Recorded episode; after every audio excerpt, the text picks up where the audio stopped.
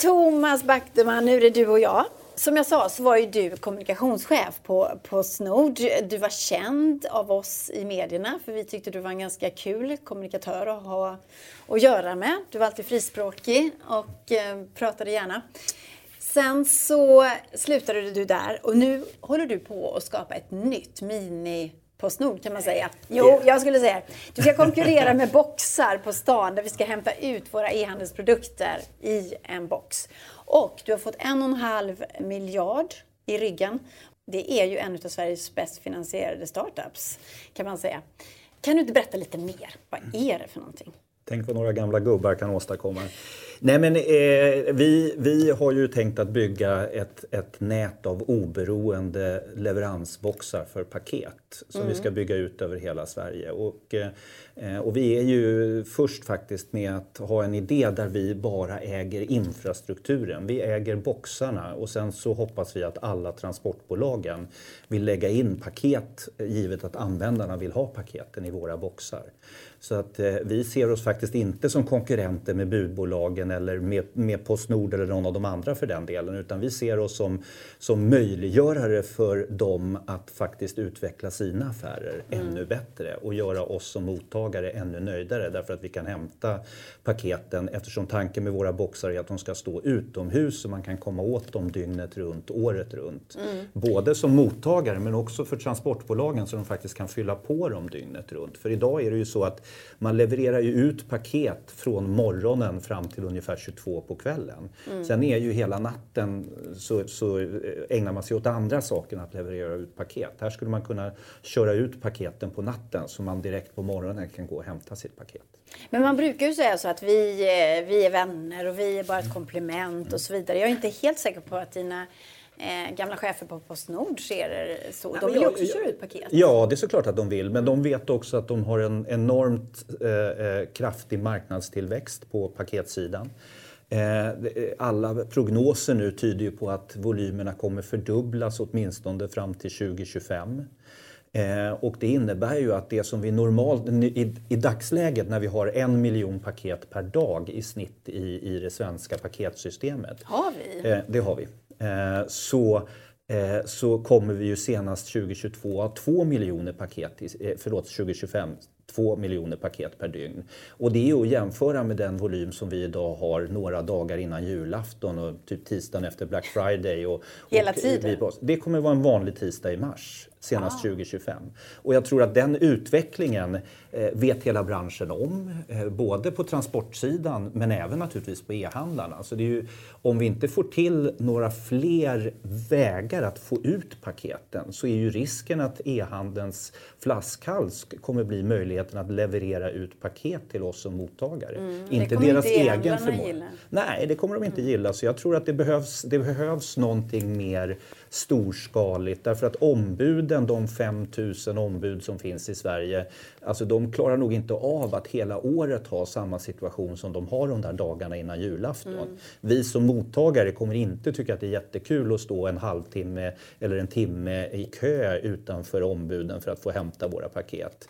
Eh, och eh, fastighetsägarna kommer inte vara superimponerade över att halva världen känner till deras koder till dörren och det är ett ständigt spring av människor som ska lämna paket i Jag i tycker att du bygger ditt argument väldigt Visst bra där för att vara ett komplement faktiskt. Ja, ja. ja nej, men så, så vi ser oss verkligen som ett komplement och vi mm. tror att det är Eh, och för oss är det viktigt också. Vi har liksom byggt hela vår affärsmodell på att vi ska kunna vara lätta att integrera både för fastighetsägarna och för transportbolagen. Så att inte, vi ska inte liksom hitta på några saker som gör att de måste ändra sina affärsmodeller, att de måste göra massa jobbiga installationer. Och det ska vara lätt att fatta beslut om att ställa ut en mm. box eh, och det ska vara lätt att börja köra till en box. För i grund och botten är det samma modell som när man kör till ett ombud. De betalar mm. oss varje gång man använder en lucka. Och den här idén är ju inte helt ny. Det är ju andra som inte. har gjort den Absolut. tidigare. Men jag vill fråga dig om det här med att du har löften nu om en och en halv miljard, påstår du själv är att rulla ut den här eh, idén och alla boxar de närmaste åren. En och en halv miljard har du löfte om. Hur har du fått så mycket pengar till det här? Nej, men vi, vi, har ju, eh, vi har ju våra två huvudfinansiärer eh, i form av Fastighets AB Balder och Samhällsbyggnadsbolaget. som tror på den här idén. Och det gör de ju därför att de äger en massa fastigheter och med, vet utmaningarna som är idag med paketleveranser och ser ju också en utveckling framför sig där det här bara kommer bli en ännu större utmaning.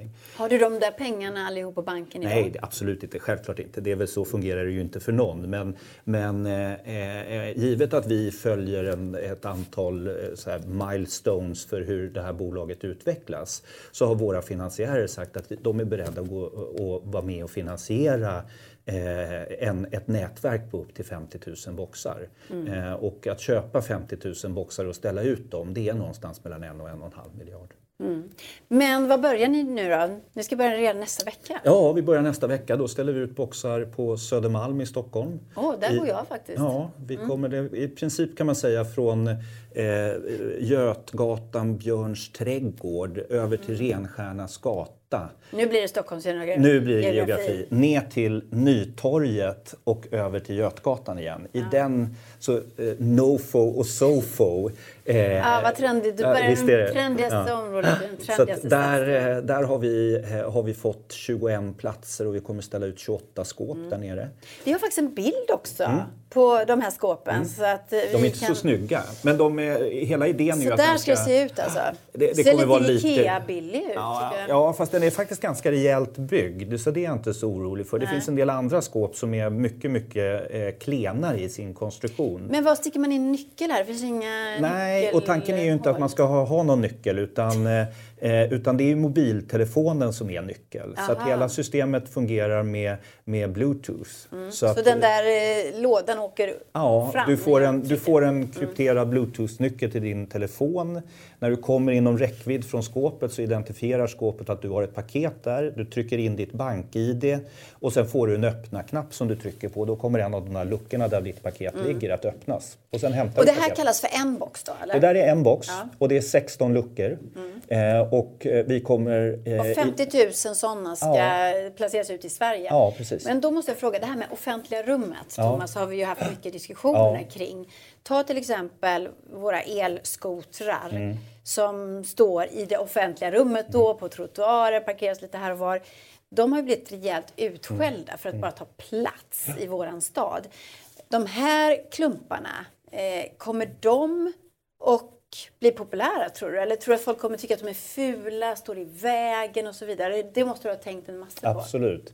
Och jag, kan, jag har nog konstaterat att jag var lite orolig eh, innan vi började ge oss ut och leta efter platser att ställa dem på. Men jag kan konstatera att det finns ganska mycket platser att och liksom gömma undan skåpen på så att de inte kommer märkas så mycket. Och hela idén med att skåpet ser ut som det gör, mm. det vill säga är väldigt diskret och smälter in i väggen, det är ju just för att det inte ska liksom sticka ut och vara eh, i ögonfallande för den som går på, på gatan. Mm. Och jag, tror, jag tror också med, med de här elsparkcyklarna om, om det bara var så att de stod liksom ordnade, parkerade på ett ställe där vi var överens om att här får de stå och det är okej. Okay, då tror jag de flesta skulle tycka att det, det var okej. Okay. Kanske inte älskar det, men det var okej. Okay. Mm. Problemet nu är ju att de ligger drällda över gatorna överallt så man snubblar över dem var man än ska gå någonstans. Och det kan jag lova att det kommer inte de här vara. Utan, utan som sagt var, vi försöker hitta platser där, där vi kan liksom smälta in och smälta bort eh, mm. så mycket som möjligt.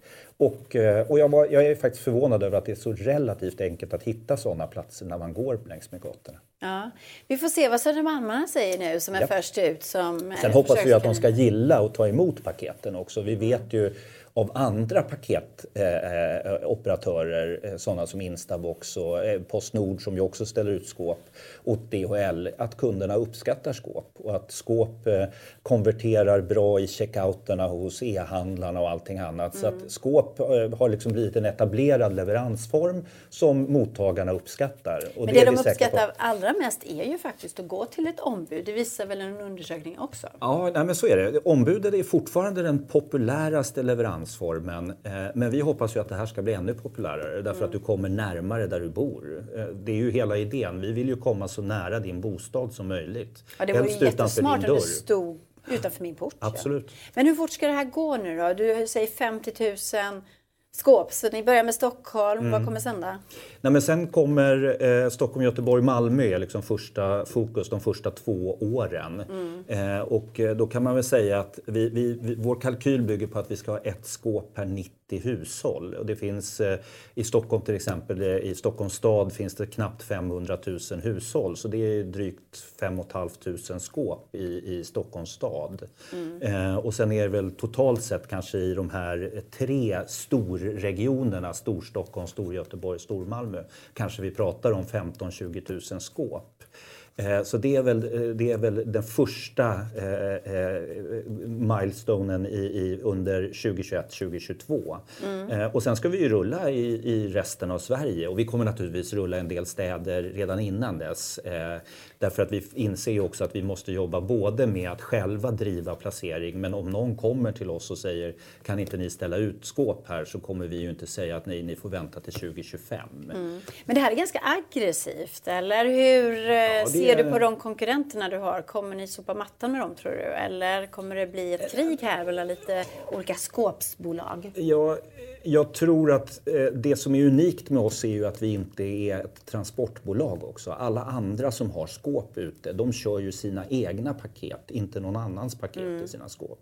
Och hela vår idé är att vi ska erbjuda alla transportbolag att lägga in här.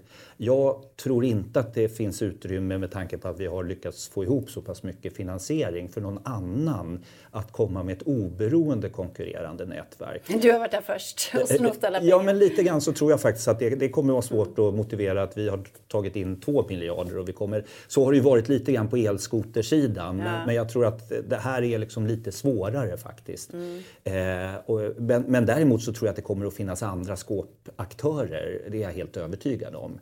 Men då måste jag fråga dig, ni är ju då beroende av budbranschen och så. Och de senaste eh, månaderna och år, alltså det har ju varit mycket snack om just eh, den här arbetsförhållandena mm. i transportbranschen. Mm.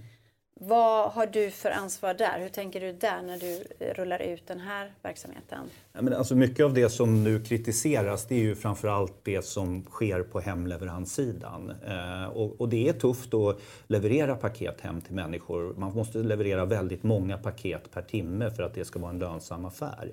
Inte minst genom att e-handlarna ju gärna eh, begär att få gratis eller erbjuder gratis mm. frakt. Och det innebär att om du de facto inte ser något värde i frakten Eh, och då, eh, då försöker de pressa priserna. Det är det enda som är aktuellt. De är inte så intresserade av kvalitet och annat. Det ska bara vara ett lågt pris. Mm. Och det är såklart att någonstans så går ju gränsen för vad man kan, eh, vad man kan acceptera och fortfarande tjäna pengar. Och, och jag tror att den nivån är högre än dagens nivå. Men samtidigt så finns det väldigt lite betalningsvilja för att göra det. Så det där är en, det är en i grunden tuff bransch. Men vi tror ju att skåpen även där faktiskt ska kunna hjälpa till. Därför att det här innebär ju att man kan kan leverera fler paket till samma plats.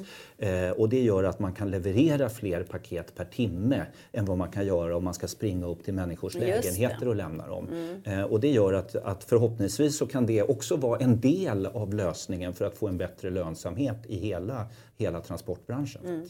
Men kommer du erbjuda, erbjuda budpersonal också som hämtar paket till exempel hos Apotea och sen Nej. utan vi har sagt att vi ska aldrig köra några paket Nej. eller hantera några paket. Vi kommer inte ens ha någon kundrelation utan vi, vi kommer ju leverera en infrastruktur till transportbolagen, eh, Best och Bring och vad de nu heter ja. för någonting. För att de ska sen leverera ut paket till, till mottagarna. Mm. Så du kommer inte ha kontakt med oss på e-boxen när du ska hämta ett paket utan du kommer ha kontakt med, med Best som har kört ditt paket. Mm. Eh, du, jag tycker också att det är spännande med andra saker som du gör. Så vi växlar ämne lite mm. Gersvint. Du är ju duktig på um, kommunikation. Det har du jobbat med mm. hela din karriär. Eh, och eh, du har lovat här att analysera lite. Eh, ja, jag, jag, börjar om. Vi, vi pratade igår, du och jag. Mm. Och då snackade vi om veckans eh, nyhet. Mm. Jag frågade dig så här, vad tycker du är den bästa nyheten mm. i, mm. i, i den här veckan? Och det var igår då mm. innan det här terrordådet Vetlanda. Eh, Som ju tyvärr inte är någon bra nyhet. Nej, det är en väldigt dålig nyhet. nyhet. Ja, det är tragiskt och mm. hemskt. Mm. Eh, Men... På alla sätt ska jag säga. Ja. Faktiskt. Det, är, det, är, det är fruktansvärt tragiskt för alla de människor som har, har drabbats av det här. Eh, men det är också tragiskt att det händer. Eh, att, att eh, människor når en sån nivå av sjukdom eller desperation mm. eller vad det nu är för någonting så att man beter, eller genomför den här typen av handlingar. Så det, det är ju faktiskt bara en massa människor som är förlorare på det här på den här fruktansvärda händelsen. Mm. Och dessutom är en, en, sån, en sån liten stad Absolut. eller samhälle som Vetlanda, det ja. gör det mer ja. Hemskt. Framförallt tror jag för de som bor i Vetlanda ja, som ju säkert alla känner de här personerna som drabbades också. Mm. Men igår då när vi pratade om den nyheten som stack ut i veckan, mm. då var det Ebba Busch. Ja, men jag tycker att den där nyheten har ju liksom eh, varit eh, snurrat nu ganska länge faktiskt. Men den liksom får ju fler och fler pikanta detaljer. Och eh, det finns ju en gammal god devis när det gäller kriskommunikation att om man står i en grop så ska man sluta gräva. Ja. och det verkar inte riktigt vara liksom modellen här. Utan... Du får dra bakgrunden av historien om det är någon som har missat. Ja, det är väl ingen som har missat att, att KDs partiledare har köpt en, en fastighet till sig själv och sina barn och att den här historien har blivit lite infekterad eh, och eh, väl just nu faktiskt befinner sig i domstol. Eh, och, eh, och man kan väl konstatera att en del saker ska man nog, eh, även om man råkar, för jag tror faktiskt att Ebba, eh, Ebba Busch har rätt rent juridiskt. Mm. Och jag, det skulle inte förvåna mig om hon eh, kommer att få rätt i domstol. Men det, det, handlar inte om att ha rätt utan det handlar om att få rätt. Mm. Och oavsett hur rätt hon har så kommer hon aldrig att få rätt. Och vissa saker framförallt om man är en publik person som jobbar i en bransch där förtroende är viktigt. Det måste man kunna kliva av när man inser att även om jag har rätt mm. så kommer jag aldrig att få rätt. Och det är ingen mening att fortsätta den här konflikten. För den kommer... Och nu har hon ju hamnat i en situation där hon... Jag, jag såg henne intervjuas i den här 30 minuter som ju ja. har handlat om en massa andra saker för alla andra partiledare. Ja. Men det är det enda som det handlar om. Hon får ju bara prata om en enda sak. Partiet får bara prata om en enda huset sak. Och huset och nu då det, och, och, nu dessutom förtals, eh, eh, mm. förtalsutredning därför att hon skrev på Facebook att eh, den här gamle mannens advokat hade ett, ett tveksamt förflutet. Eh, och var ganska detaljerad i det. Eh, Igår så öppnade man den här förundersökningen och drog igång den då. Ja. Och jag tror att om man tittar på det här så kan man ju konstatera att det, det här är ju politik, det kanske inte är så mycket för Breakit och Breakits läsare, men eh, även näringslivet är en förtroendebransch. Och även eh, människor som startar företag måste bygga förtroende för det de gör. Och eh, jag tror att man kan dra många lärdomar kring det här, mm. hur man måste bete sig för att eh, bygga och upprätthålla förtroendet. Men du säger lika... då att företagarna eh, också är i en förtroendebransch. Absolut. Hur menar du då? Nej, men alltså, det är ju allt från att man, man driver en verksamhet som människor måste ha förtroende för och i allt större utsträckning, inte minst drivet faktiskt av media, så har ju företag förknippats med individer. Mm. Man vill ju gärna hitta en individ och hänga upp hela liksom, historien på. Och det är mycket lättare att få människor att känna igen en person än ett företag och en företeelse.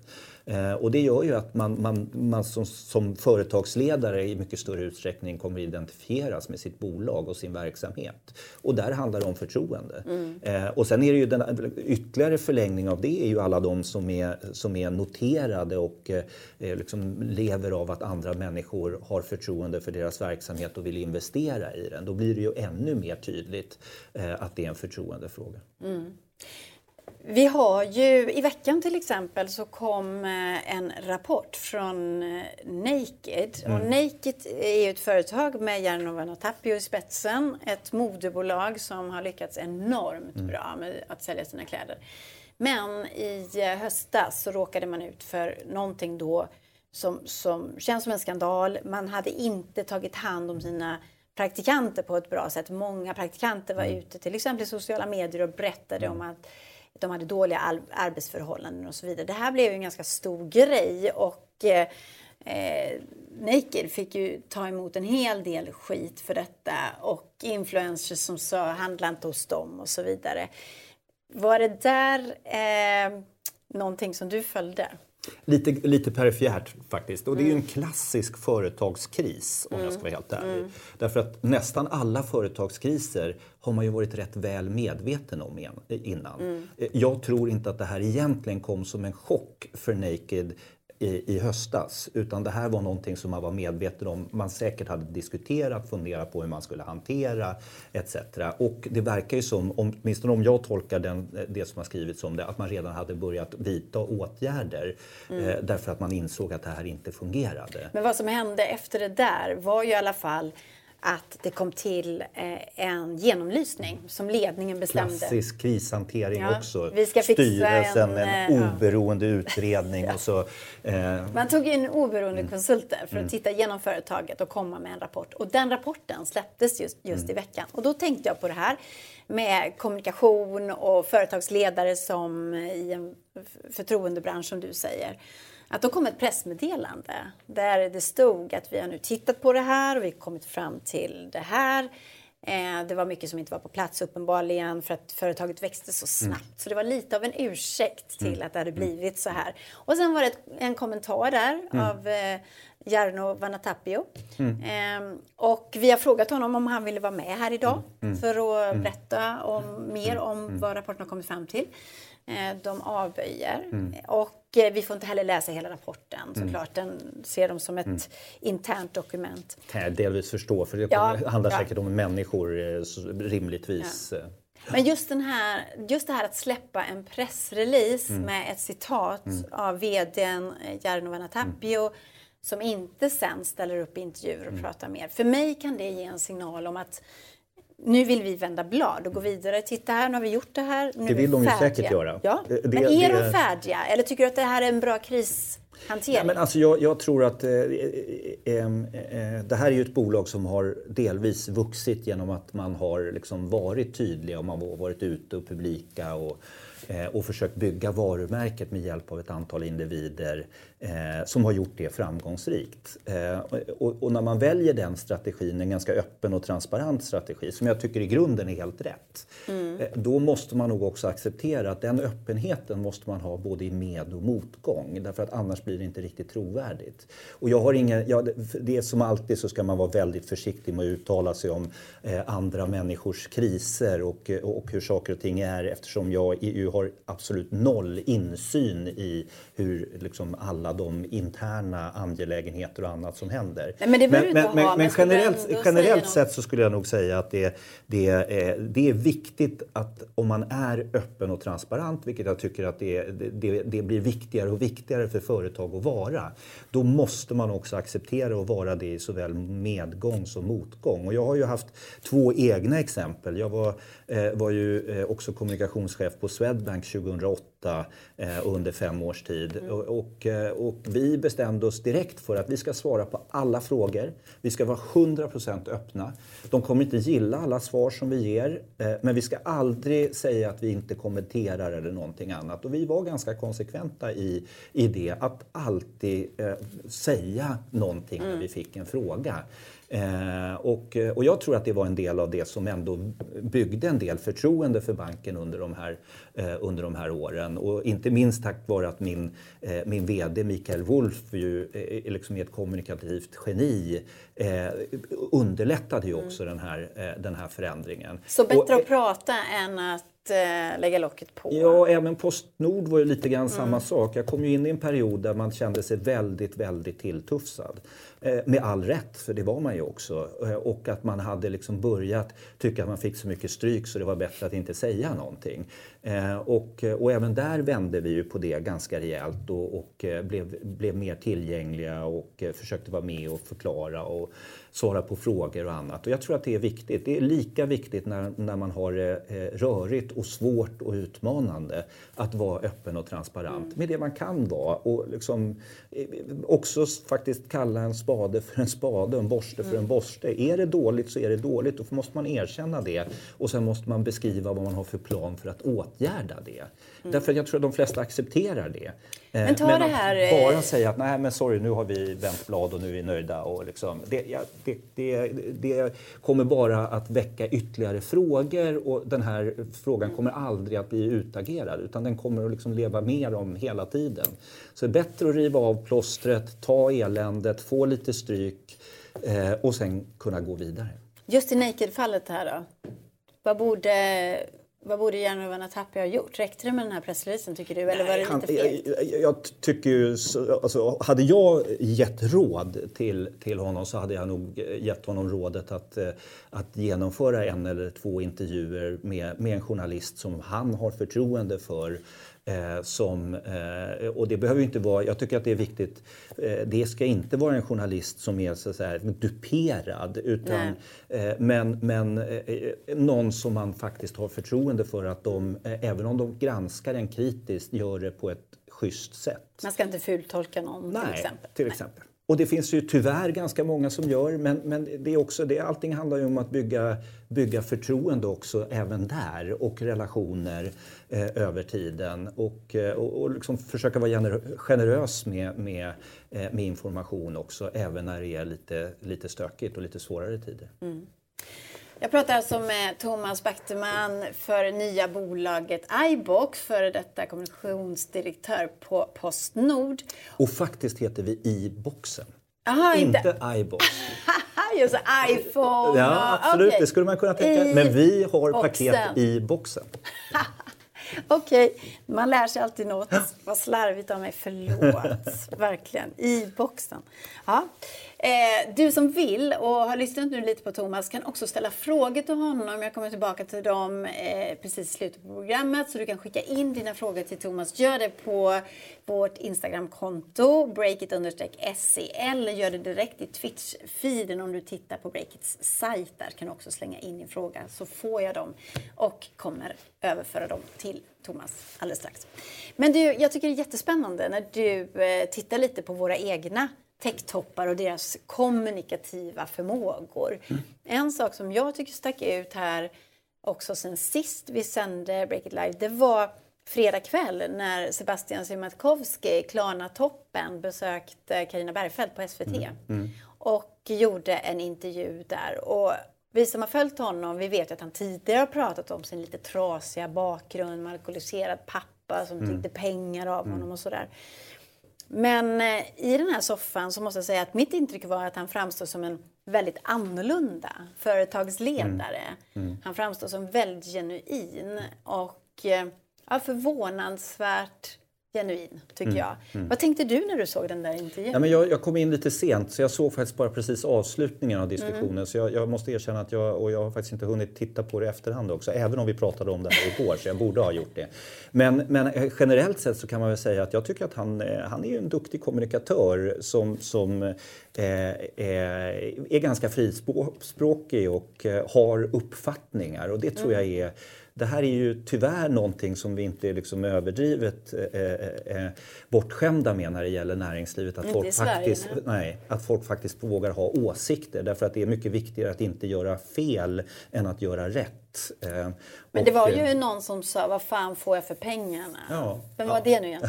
det var Östling. Ja. ja. Nej, men han, han blev det var ju mycket mer, ja, och han var ju frispråkig redan som VD om man ska vara helt ärlig. Mm. Kanske inte alltid så, alltså, han hade väl uttalanden om att kvinnor borde stanna hemma vid spisen och sånt där. Det, är inte, det är inte givet att det är en vinnare i alla Nej. lägen. Det är nog inte heller faktiskt de här, eh, eh de här, vad fan får jag för pengarna? Men han har åtminstone hela tiden vågat ha en, ta ställning mm och inte varit rädd för Och det har vi sett Sebastian Siemiatkowski göra Slut. på sitt Twitterkonto. Och, och, eh. han och dessutom David Sandström som är hans, eh, hans eh, marknadschef mm. och som jag uppfattar allt mer och mer av Sidekick.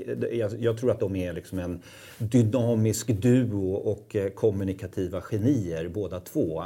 Och jag tror inte att man hade kunnat bygga det de har byggt av Klarna utan den förmågan. Mm. Det är ju ett bolag som väl ändå allt talar för att det kommer vara det absolut högst värderade svenska finansbolaget och då har vi ju några banker som ändå är relativt stora. Det är ju, mm. Nordea är väl en av Europas tio största banker i alla fall. Eh, men som, det, det, är ju ett, ett, förväntat börsvärde som är större än Nordeas. Så det, det, är ju det är såklart att det är en fantastisk prestation. Sen, du menar att det här kommunikativa som de två har tillsammans, eh, det har också hjälpt till att bygga absolut, bolaget? Men jag ser ju också, Sebastian har ju också varit ute på Twitter och pratat i politiska mm. frågor. Han ibland framstår som lite njugg nästan, mm. så här, att han blir arg på kritik mm. och så vidare. Eh, inifrån Klarna har vi, har vi hört om hans temperament mm. och sådär. Men, men utåt sett då, det han kommunicerar mm. så att säga. Vad, vad skulle du ge honom för betyg på det här? Du sa att det är viktigt att man är... Efterlyser du mer av det här att man ger sig in i samhällsdebatten och pratar om både ditten och datten som företagsledare? Alltså, jag, jag, tror att man ska göra saker som ligger nära en själv. Eh, jag tror inte, det, det, det, det är en typisk sån fråga som man kanske är svårt att ge någon ett generellt råd kring. Mm. Men det är ju alldeles uppenbart att han har uppfattningar och är engagerad. Och då finns det ju all anledning att liksom, eh, använda det engagemanget. Eh, sen är det ju, finns det ju en tendens, och det kan man väl se på den andra stora svenska tech-undret i form av Spotify. Att när man mm. väl sen kommer in i en publik miljö där man har en massa stora externa ägare som har skjutit till en massa kapital och är oerhört måna om att de pengarna ska utvecklas väl så tenderar man till att bli mindre och mindre frispråkig. Eh, därför att man har fler och fler arga hedgefondinvesterare eh, eh, som ringer och skäller på en om man säger någonting som kan vara kontroversiellt. Mm. Och då är man nog tillbaka i det här med att det är viktigare att inte göra fel än att göra rätt i, många stycken. Det verkar inte ha drabbat Klarna Sebastian riktigt än i alla fall. Nej, och, och nu alltså, med den väg som är på väg att liksom gå in på börsen och sådär så länge han har en Eh, eh, har en bra relation med sina existerande ägare då kommer mm. han ju kunna fortsätta att vara ganska eh, frispråkig. Men när de där aktierna börjar liksom byta ägare och det kommer in eh, nya så är det inte givet att de kommer vara lika eh, tillåtande i framtiden. Jag hoppas att de kommer vara det, för jag tror att det är... Jag, jag, jag gillar ju människor som är liksom riktiga männior, mm. inte mm. maskiner som, som liksom någon stoppar i en polett Eh, bak och sen så gör de allting perfekt. Eh, utan eh, man ska gärna ha lite kanter och det vet vi ju själva. Bra kommunikation ska skava lite grann. Det får inte vara för, liksom, eh, eh för strömlinjeformat för då blir det sån här Ariel-reklam där allting är snyggt och vackert och, och ingen kommer ihåg det. Mm. Så att jag, jag, jag, jag hoppas bara att han fortsätter att vara den han uppenbart är och det gör han på ett bra sätt. Ja. Givetvis, för det är ju han. Mm. Eh, tittarfrågor, är du beredd? Mm -hmm. Spännande. Eh, det har kommit in många. Algot undrar, det verkar vara många aktörer som satsar på last mile mm. nu. Hur ser konkurrensen ut? Nej, men alltså, eh, orsaken till att det är så många som tittar på last mile är ju att det är den del i transportkedjan som är dyrast för de bolag som är inblandade. Och det hänger ihop med att så fort en människa måste ta ett paket så blir det dyrt kan man grovt sett säga. Mm. Därför att det, så att när man behöver liksom flytta ett paket från en bil till en annan, när man måste springa upp med ett paket, vad man än behöver göra för någonting så är det dyrt. Så det här gör att om man kan effektivisera den sista milen så finns det extremt mycket pengar att tjäna på. Så det, det, det, tror jag är. Och, och, här är det väl en kombination av eh, liksom, eh, eh, digital teknikutveckling, eh, system som blir bättre på att optimera rutter för chaufförerna och liksom korta ner alla tider i det här för att det ska bli mer effektivt. Och också för oss som användare. Men titta på Budbee till exempel eller AirMe som har ju liksom applösningar där du kan följa precis vad paketet är och sådär. Alltså, jag kan komma på mig själv med att liksom sitta och kolla på hur han åker och sådär. Det, ja. det är ett väldigt märkligt eh, beteende men, men, så är det. Eh, men frågan var om konkurrensen. Och, och även, även Postnord eh, eh, har faktiskt precis infört en sån tjänst också. Så även där kan man nu följa sin hemleverans på samma sätt. Så det, det kommer vara en mycket digital utveckling och sen kommer det vara en hel del tror jag, teknikutveckling också. Skåp kan vara en del av det, tror jag mm. faktiskt.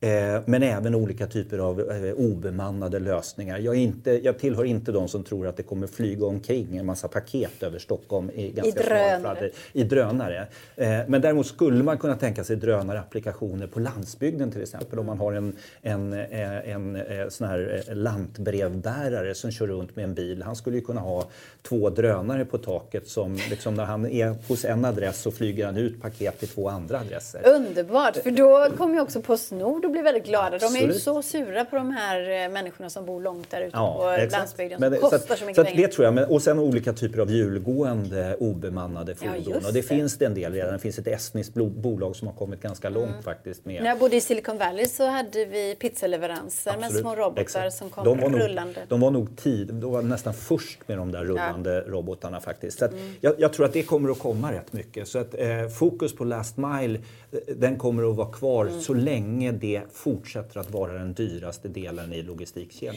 Jag blev helt full i skratt nu för jag tänker på om vi har varit så arga på Ting, tingen elsparkcyklar. Så tänk om det kommer sådana här små robotar som rullar fram i, överallt. Och kommer, de kommer ju sparka sönder direkt. Ja, alltså. Eller så, så får vi kärlek till dem. Ja, ja, vi kan få kärlek till dem. Jag tror att det, så, det, det som åtminstone upprör mig med de här sparkcyklarna det är ju att de ligger och dräller överallt. Att de ser fult ut när de ligger? Ja, ja. dels är de ju fula, men det, är ju inte, det kan jag leva med eh, faktiskt. Men, men, men att de, det är liksom ingen ordning på det. Det gör mig irriterad. Om de, bara fixar, om de bara fixar ordningen så kommer jag acceptera sparkcyklar. Sen har jag faktiskt aldrig testat någon så jag ska väl inte ha någon riktig uppfattning. Thomas, Linnea undrar, vad är det största problemet att lösa inom logistiken just nu? Oj, det största problemet att lösa? Uh, ja, det är nog, uh, för alla logistikbolagen så är det nog lönsamheten som är mm. det största problemet att lösa. Mm. Uh, och det innebär att det finns ingenting just nu som talar för att det kommer bli billigare att få sina paket skickade hem. Du vet vad du hörde det först. Yes. Det kommer inte bli billigare med leveransen. Eh, Spelman, signaturen Spelman undrar vilken är den värsta kriskommunikation du varit med om? Eh, det var nog när vi på Swedbank stoppade en så kallad bankrun. Alltså när eh, eh, bankkunderna sprang till bankomaten och plockade ut pengar därför att de trodde att banken skulle gå i konkurs i Lettland. Ah. Det, det, det var... Under hackerattacken? Nej, nej absolut inte. Utan det här var det här var faktiskt i, i samband med att ett antal banker i Baltikum hade gått i konkurs. Mm. Och inte minst den lettiska banken Parex Bank gick ju i konkurs. Mm. Eh, och eh, det var någon som, som startade faktiskt en förtalskampanj genom att skicka ut ett massutskick med sms till eh, framförallt rysktalande eh, lettiska medborgare som började springa till våra bankomater och ta ut pengar därför att de trodde att eh, banken skulle gå i konkurs. Oj. Eh, och när man väl har fått den där, liksom, den där psykologin har kommit igång mm. och man ser vad, varför står de där och så får man höra någon som säger att det banken håller på att gå i konkurs, du måste ta ut dina pengar. Det är jättesvårt att stoppa det där. Och sen ska man ju också veta att en, en bankrun för en modern bank sker ju inte framför bankomaten utan den sker ju på internet ja, där folk det. flyttar sina pengar på nätet. Vad gjorde ni sa du? Ni stoppade vi, vi, alla vi lyckades, uttag? Nej, det gjorde vi inte. Utan, eh, men vi lyckades eh, mycket med hjälp faktiskt av svenska Finansinspektionen eh, så lyckades vi få fram budskapet att banken verkligen inte var på väg att gå i Men du sa att det var dålig kriskommunikation. Vad nej, det? nej, det var det inte alls. Det var, jag tyckte frågan var, vad är det värsta kris du har varit med om? Vad är den värsta kriskommunikationen? Jaha, som, som du var med om. Så där, ah, men okay. Det här var ni, den värsta krisen jag den värsta varit med krisen. om. Den och, värsta kriskommunikationen som jag har varit med om, som jag själv har varit med om. Men först vill jag veta hur, hur det löste sig. Du Nej, men vi, vi, lyckades få Finansinspektionen att, eh, att gå i garant för att, eller garant, men ah. få, liksom få fram budskapet att Eh, att vi inte höll på att gå i konkurs. Eh, och det var faktiskt den svenska Finansinspektionen därför att en av cheferna på den svenska Finansinspektionen råkade vara från Lettland. Ah. Så han pratade lettiska och problemet var att i Lettland var det ingen som trodde på den lokala Finansinspektionen.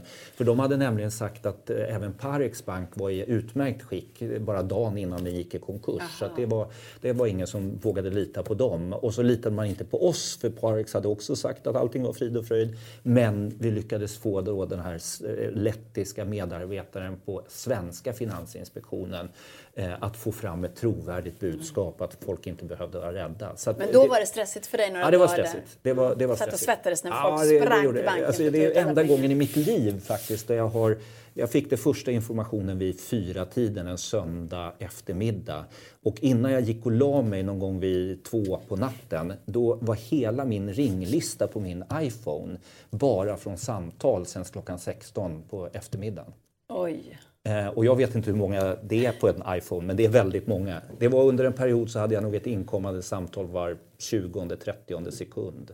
Så jag satt och pratade i telefon och så hörde jag hur det pep hela tiden av andra. Thomas Backmans värsta kris. ja, den, Men den värsta kriskommunikationen Den värsta då? kriskommunikationen. Du vet, nu, tyckte, nu pratar vi ja. om Ebba Busch, att du tycker ja. att det där nej, kanske det, inte var så bra. Nej, men det är, mer, det, det, är inte så mycket kommunikation, det är mer omdöme och liksom vad hon faktiskt gör. Mm. Uh, och det, det, kan man ju alltid liksom diskutera. Uh, det, jag kan inte, det, det, det är väl eh, de, de flesta bra kriskommunikationer eh, blir ju aldrig kriser så de känner vi inte ens till. Nej, eh, och det finns ganska många dåliga. Jag kan faktiskt inte på, så på rak arm komma ihåg någon som är så Nej. extremt Men gnola lite. Alltså, möj, möjligtvis Donald Trumps krishantering efter 6 januari. Det, det är nog kanske bland de sämsta jag har varit med om. Men halva amerikanska befolkningen gillar ju det så att det, jag vet inte. Viktor undrar, hur är det att gå från stora bolag som Postnord och Swedbank till en egen startup? Har du gjort något liknande innan? Ja, men jag har ju jobbat rätt länge i konsultbranschen och varit med ganska tidigt i några ganska stora konsultföretag och varit med i liksom resan att bygga dem. Eh, så det är inte helt okänt eh, för mig och jag har egentligen inte varit, jag har ju huvuddelen av min, min yrkesliv faktiskt varit i konsultbranschen, inte i storföretagsbranschen. Mm. Eh, men i grund och botten så är det ju samma sak man gör. Vi jobbar stenhårt på just nu försöka hitta platser och ställa ut skåp. Mm. Och, och sen ska vi koppla på transportörer som ska köra till de skåpen. Det är hårt jobb och det är liksom eh, långa, långa dagar och eh, korta helger. Eh, men så är det ju ofta när man jobbar i företag också. Så jag tycker inte det är inte så jättestor. Man kanske har lite mer liksom stödfunktioner runt sig. Så, Eh, någon som eh, bokar mina möten och liksom mm. hjälper mig med resor och det får jag sköta själv men det är inte, det kan man göra med datorn, det är inte jättekomplicerat. Men det, är det här något du rekommenderar? Att starta bolag efter en lång karriär i en, en bransch där du har tjänat pengar mm. och säkert har lite pengar på banken och eh, jobbar för stora bolag. Är det här ett, en bra tid? jag, jag, jag tycker om att utmana mig själv och det har jag gjort även när jag har liksom jobbat mm. med, med de bolag som jag har gjort och i konsultvärlden. Och det här är ju en ny utmaning eh, på ett nytt sätt som är jättespännande och, eh, och, och, som jag verkligen ser fram emot. Men, eh, och, och, alternativet att bara stoppa ner tummen i spåret och köra på i någon annan, i någon annan riktning Nej, det hade jag, inte, jag hade inte tyckt att det var jättespännande. Nej, mer nyfiken än så? Ja, verkligen. Mm. Och, och jag, det har nog varit hela mitt yrkesverksamma liv att det har varit en nyfikenhet som har drivit mig till att göra en massa saker. Gå från konsultvärlden till bolag till exempel. Det var ju inte helt givet, det är inte alla som Nej. gör. Och hoppa lite fram och tillbaka dessutom som jag tycker har varit väldigt bra både för mig som konsult men, men också för bolagen tror jag faktiskt. Mm. Fredrik har en fråga. Han undrar om bolaget och mm. i-boxen. Mm. är det samma idé och genomförande som Instabox? Han Nej, vill veta skillnaden. verkligen inte. Eh, och den, den avgörande skillnaden är att vi kör inga paket i våra boxar. Utan vi äger bara boxarna och så erbjuder vi de andra att lägga in sina paket. Och vill Instabox lägga in paket i våra boxar får de jättegärna göra det. Eh, skillnaden är ju att Instabox är ett transportbolag som kör paket från svenska avsändande kunder eh, och har valt boxar som utdelningsverktyg istället för ombud och hemleveranser. Eh, men, men liksom, de äger ju hela kedjan. Allt från att hämta paketen hos e-handlaren till att leverera ut det till, till, till kunden. Och de kör sina egna paket i boxarna. Vi kommer inte köra några egna paket i boxen. Pappan, signaturen, undrar om du vore chef för Postnord, vad skulle du göra nu? Alltså Postnord är ju, känns det som, under ständig press och får en massa skäll. Vad skulle du gjort? Nej, men jag tycker att de gör väldigt mycket bra saker just nu faktiskt. Jag tycker nog ändå att de får mindre skäll nu än, än vad de fick för, för några år sedan. Och, och det eh, för mig säger att de har fått ordning på en massa saker. Eh, faktiskt. Så att jag, jag, tycker nog att de är inne på rätt väg. Sen har de ju en jättestor utmaning i så mått att det blir färre och färre brev. Och historiskt så har ju verksamheten byggt på brevdistributionen. Och det är såklart när vi inte får några brev längre men myndigheterna kräver av Postnord att de ska upprätthålla samma infrastruktur med samma kostnad men de inte har någon som är villig att betala för det. Då får de ju problem och det ser vi ju inte minst på Postnords danska verksamhet som ju redan har varit igenom det stålbadet. Eh, och, eh, och det, kommer vara, det kommer vara jättetufft. Eh, och, och jag tror att det, eh, det kommer vi få eh, anledning att prata om under många år framåt. Faktiskt. Mm. Vad har du för kontakter med dem på Postnord nu då? När du vill att de ska använda dina boxar? Har du gräddfil eller nej, är det tvärtom? Nej, absolut inte. Eh, men, men det är såklart att jag känner en massa människor på Postnord. Mm. Och jag har massa goda vänner som, som eh, jobbar där och, eh, och Eh, men, men, eh, men däremot så, så, så vi har ju en yrkesmässig relation eh, kring, kring själva boxlösningen och eh, jag är ganska övertygad om att vi inte har någon särskild gräddfil i det avseendet. Tvärtom kanske. Okej, okay. Conny undrar om du var 22 år, vad skulle du göra annorlunda i karriären och i livet? Har du tänkt på sådana här stora frågor någon gång? Ja, det har man väl alltid gjort. Don't look back.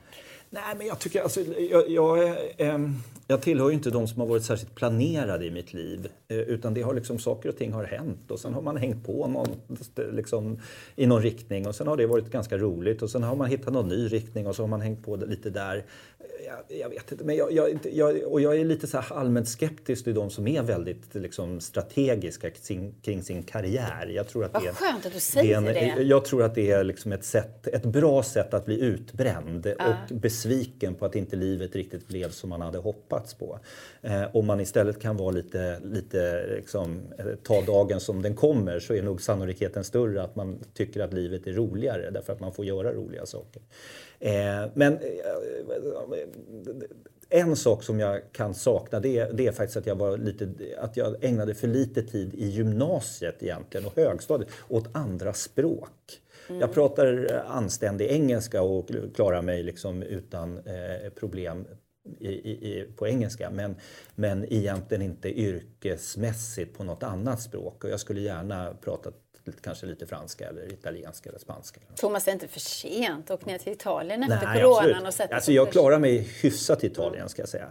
Eh, därför att jag har ägnat mycket tid åt att vara i Italien. Så att jag, eh, eh, jag kan, du kan beställa en öl? Jag kan beställa en öl, och jag kan, men jag kan inte, betala, jag kan inte prata om, om, om Dante eller, eh, eller eh, Puccini eller eh, kärlek eller något sånt där på italienska. Så att, jag, jag, det, det skulle jag, jag skulle gärna ha ha eh, eh, behärskat fler språk därför jag tycker att det är ju sättet att lära känna andra människor och ja. kulturer. Och, mm. och, det är framförallt det som jag tror att man kommer, man kommer lite närmare folk om man slipper barriären av ett annat språk. Både för min egen del och, eh, och för den som, eh, som man pratar med.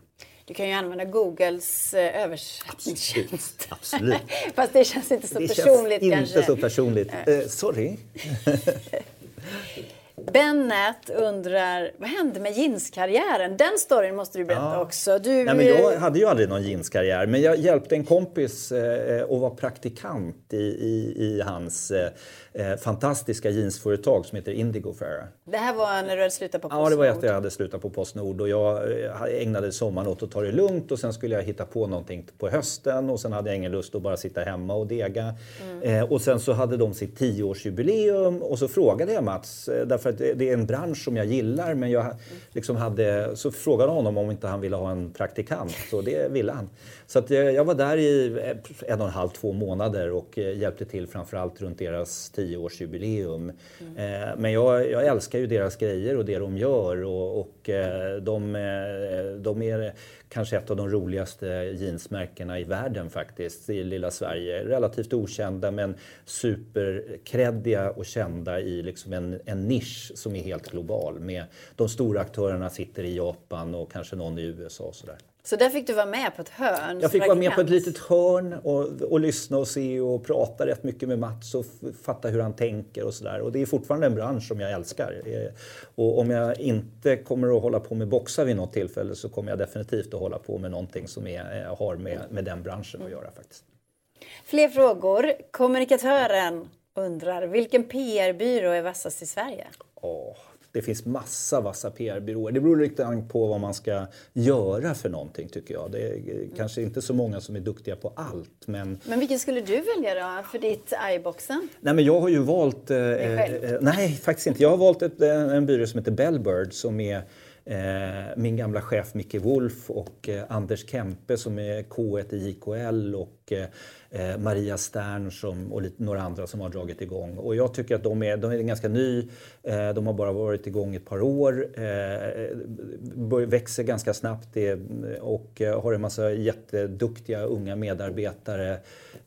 Faktiskt bland de absolut bästa som jag har jobbat med i liksom den här kommunikationsbranschen överhuvudtaget. Så att det, jag skulle välja och har valt Bellbird. Men, men om jag ska gå och notera ett bolag, ja men då kanske jag skulle gå till Anders Fågel på Fågel och Partners för han är bättre på det. Eller ska jag mm. sälja ett bolag kanske jag också går till honom. Men, men det, det, är liksom återigen, man får, kommer en internationell köpare så kanske jag skulle gå till Brunswick för att de är bäst på internationella köpare. Så jag tror att man får liksom det, det, är svårt att vara bäst på allt. Då skulle jag köra konsument-PR, ja, men då skulle jag sannolikt, ja kanske Bellbird för de har byggt upp rätt mycket sån kunskap också. Men, men de andra skulle jag nog inte gå till om jag hade det behovet utan då finns det andra som är bättre på det, så Prime och, och eh, andra. Så det, mm. Jag tror att man, man måste fatta lite grann vad det är man vill ha för någonting. Och sen så vill man, måste man fatta ett beslut om man vill ha en stor traditionell byrå eller en ny uppstickare och sen så kan man nog hitta en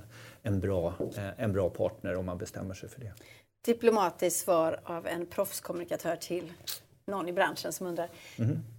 Eh, Nilla undrar om du har lite inside att bjuda på när det gäller hur det går för Wish i Sverige numera? Eh, nej, faktiskt inte. Sist eh, eh när jag lämnade eh, Postnord, och det är ju ett och ett halvt år sedan, så det är ju verkligen inte, då började de ju öka sin försäljning i, i Sverige mm. Eh, efter att ha haft ju en jätteförsäljning som sen Eh, försvann med moms, eh, momsregelverket som infördes. Nu kommer ju hela EU införa samma momsregelverk eh, vid halvårsskiftet. Mm. Och det kommer väl innebära att helt plötsligt finns det möjlighet för Postnord att sälja system till exempel till resten av Europa för vi vet hur man hanterar det där nu. Mm. Men, men jag tror att de, jag misstänker att de fortsätter att växa.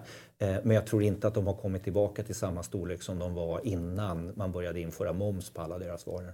Mm. Katrin undrar, vad tror du om leveranstjänsten Urbit?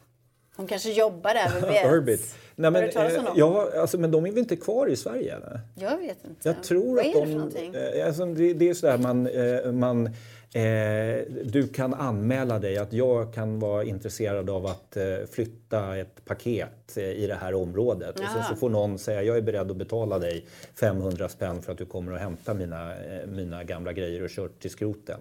Nej men det heter inte så. Är det inte så? Nej, men det, jag, jag har ett annat namn som klingar i huvudet på mig när det gäller ja, då det. måste jag säga att då... då ja, ska, vi, ska vi ta vi, lite vi, walkover på den? Vi tar walkover på den och, och sen så killgissar vi ingen Ja, nej. För att den där som du pratade om, den heter någonting på T, tror jag. Okay. Ja, strunt ja. samma. Sista frågan här då. Aron undrar, hur är startupbolag att ha som kunder för en PR-byrå, tror du? Men jag tror att det, alltså det beror återigen lite grann på hur stor man är och hur mycket liksom strukturer och så. Jag tror att eh, startupbolag blir ju lite jobbiga för de som är väldigt liksom strukturerade i sina processer och liksom vill ha planering flera veckor i förväg eller flera månader och år i förväg. Det blir ju jättesvårt. Och Eh, och I vår startup så jobbar vi med ett, ett stort och jätteduktigt, eh, alltså ett av de största svenska såna här teknikkonsultföretagen. Mm. Eh, och eh, jag tror att de tycker att jag är jättejobbig. eh, därför att det liksom, jag inte riktigt kan matcha eh, deras förväntan och struktur. Eh, och det kan nog vara samma sak med en PR-byrå som är mm. liksom stor och där man måste planera och man har en massa medarbetare som ska ha lön varje månad och sådär. Eh, och lokaler man ska betala för och annat. Då, då kan nog startupbolag vara lite stökiga. Men om man kan liksom växa med ett startupbolag eller liksom matcha flexibiliteten i ett startupbolag så kan det säkert vara superroligt att göra. Mm. Thomas Backteman, tusen varma tack för att du kom hit tack till Break It Live. Vi kommer följa vad som händer med e-boxen och när du rullar ut dina lådor här. Tisdag i... kommer de första skåpen. Sen är det bara att hålla i hatten. Man får gå dit och ta en morgonkaffe och titta på dem utanför. Absolut. Ja. Absolut. Men väldigt kul att du var mm. med. Tack igen. Kul att jag fick vara med. Ja, Break It Live är slut för idag. Så vi säger tack för idag. Du kan också lyssna på det här programmet i poddform. Om, eh, ja, säg till en kompis att göra det om de inte hinner titta på det här så kommer det i poddform. Och eh, tack också till Nordea och Almi Invest som är våra sponsorer. Vi ses igen nästa torsdag om ni vill. Hej då!